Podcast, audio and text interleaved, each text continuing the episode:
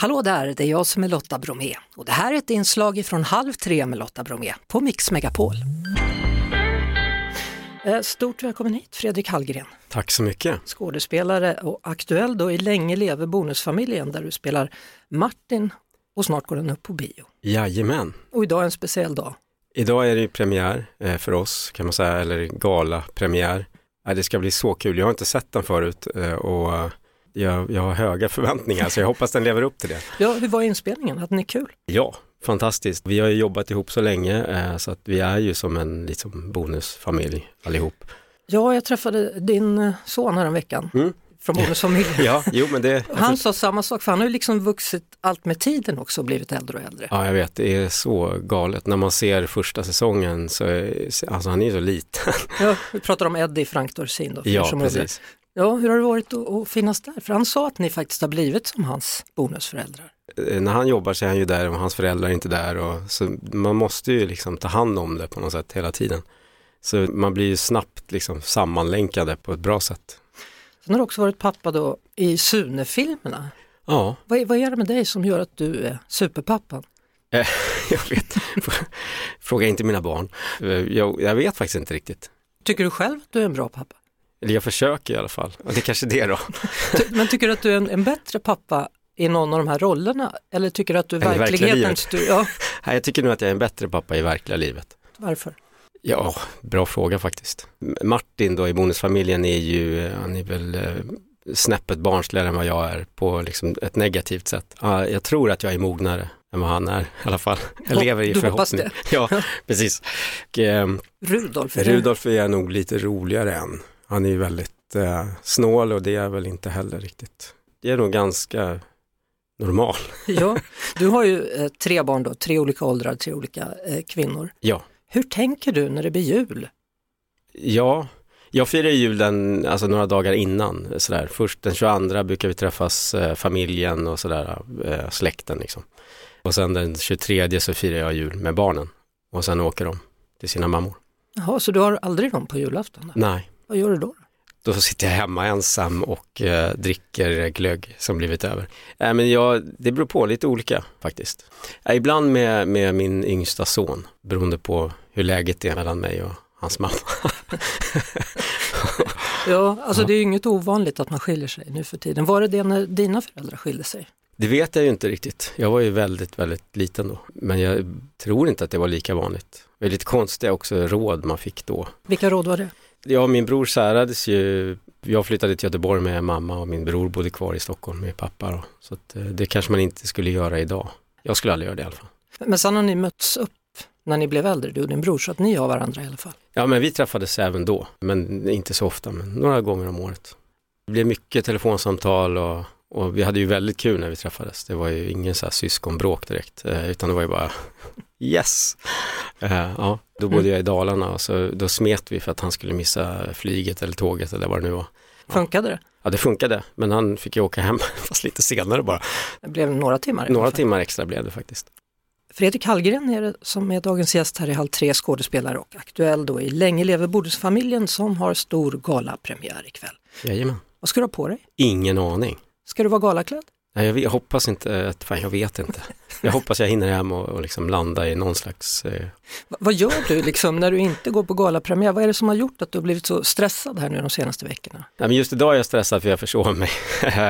av någon konstig anledning så stängde jag av min klocka eh, halv tre i natt i sömnen. Så vaknade jag 8.30 och barnen skulle varit på skolan då vid 8. Så att sen har det liksom legat i, så jag ligger lite efter känner jag. En halvtimme efter. Ja men typ, jag sitter i taxin just nu egentligen. Min kropp är i taxin på väg hit. Men din själ står mitt emot mig. Ja, Eller den sitter gör det. mitt emot mig. Ja, det var ju tur det i alla fall. Ja, du får hälsa mig sen. när Ja, det kommer ska jag hit. göra. Eh, Ja, Välkommen. tack. Vad spelar du in mer just nu? För att de flesta skådespelare har ju alltid något på gång. Ja, jag vet inte riktigt hur mycket jag får säga om det som jag gör nu. Men jag jobbar eh, med ett projekt eh, som är väldigt spännande i alla fall. Du har sagt någonstans att du gärna skulle vilja göra en lite mer svår roll, eller Ja. någon som är lite utsatt har du sagt till och med. Ja, verkligen. Jag skulle vilja spela någon mörkare roll som inte är humor. Och det projektet jag jobbar med nu är väl kanske inte jättemycket humor, eh, men eh, det är inte heller en jättemörk eh, liksom, karaktär. Så. Du har en väldigt gedigen utbildning, det måste man ju säga. Tycker du det? Ja, jag tycker det. Jag tänkte gud vad du har gått på teaterskolor och hit och dit och så Jaha, skolan okej. och så. Ja, Jag gick ju Kalle Flygare som var liksom, det var ju en lekstuga egentligen. Men det Mm. var väldigt så här, man kom igång, kul. Mm. Och sen gick jag ju Scenstudion hette den och sen har jag gått någon kurs. Sen har jag jobbat och det är väl kanske det mest som har liksom format den. och sen så kommer bonusfamiljen då och det blir ett jättegenomslag. Ja, det blev ju det. Men det hade jag på känn på något sätt. Bara när jag läste manuset så var det så jäkla bra liksom. Och så bara, om jag inte får det här nu, då är det, blir det jobbigt. Hur Ja. är det när man filmar för olika roller och sen inte får dem? Det brukar vara ganska lugnt för mig faktiskt. För att jag har ju också varit på andra sidan och, och castat och, liksom och sådär. Och då, då ser man ju att det handlar inte så mycket om prestation utan mer dynamik mellan allihop. Så då tänker jag, men det är väl, det är väl därför som jag inte får vara med. Mm. Passar inte in och då vill man ju inte vara där heller egentligen. Men den här rollen ville du verkligen ha. Ja, och så fick jag den. Blev ju väldigt glad, blev jag ju såklart. Jag hade ju också sagt upp mig från mitt andra jobb som var liksom produktionsbolagsbaserat och sådär. Och det tog väldigt lång tid innan, innan beslut togs, så jag hann ju bli lite svettig. Och sen när de ringde och sa att jag hade fått det, då var det så här, ah yes, vad skönt.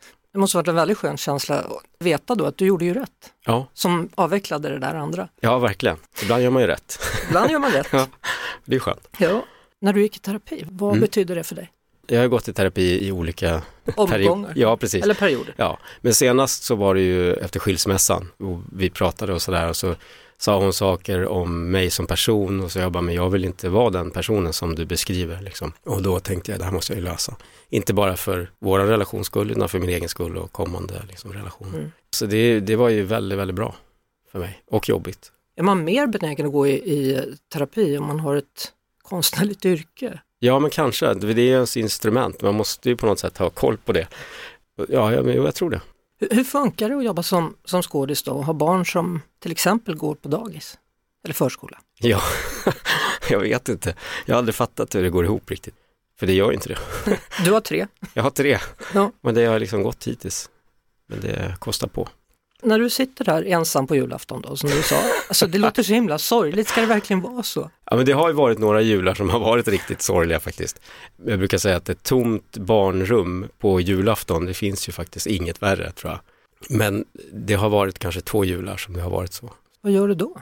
Alltså då har jag ändå firat jul, så för det, jag brukar inte liksom känna efter att det är julafton, utan då är det som vilken dag som helst egentligen. Bara att du dricker glögg?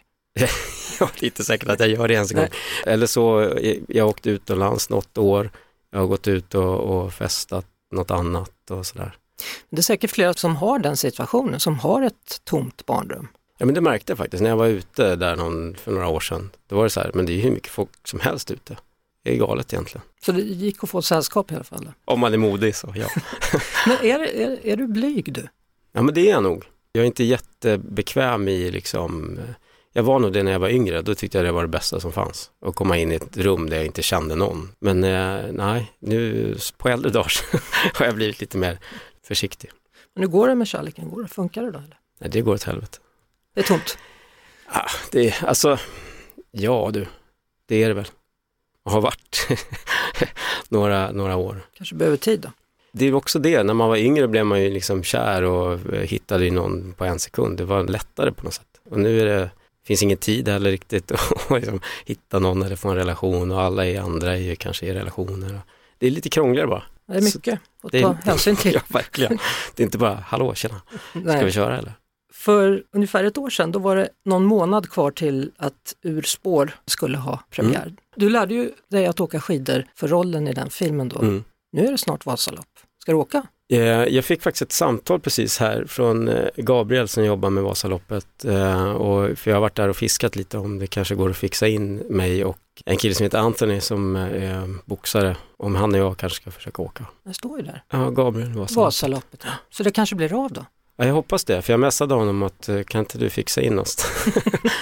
ja, vi får se. Då är en sak klar i alla fall vad du ska göra nästa år. Precis. Och en riktigt god jul på dig då. Ja, men detsamma. Vi hörs såklart på Mix Megapol varje eftermiddag vid halv tre.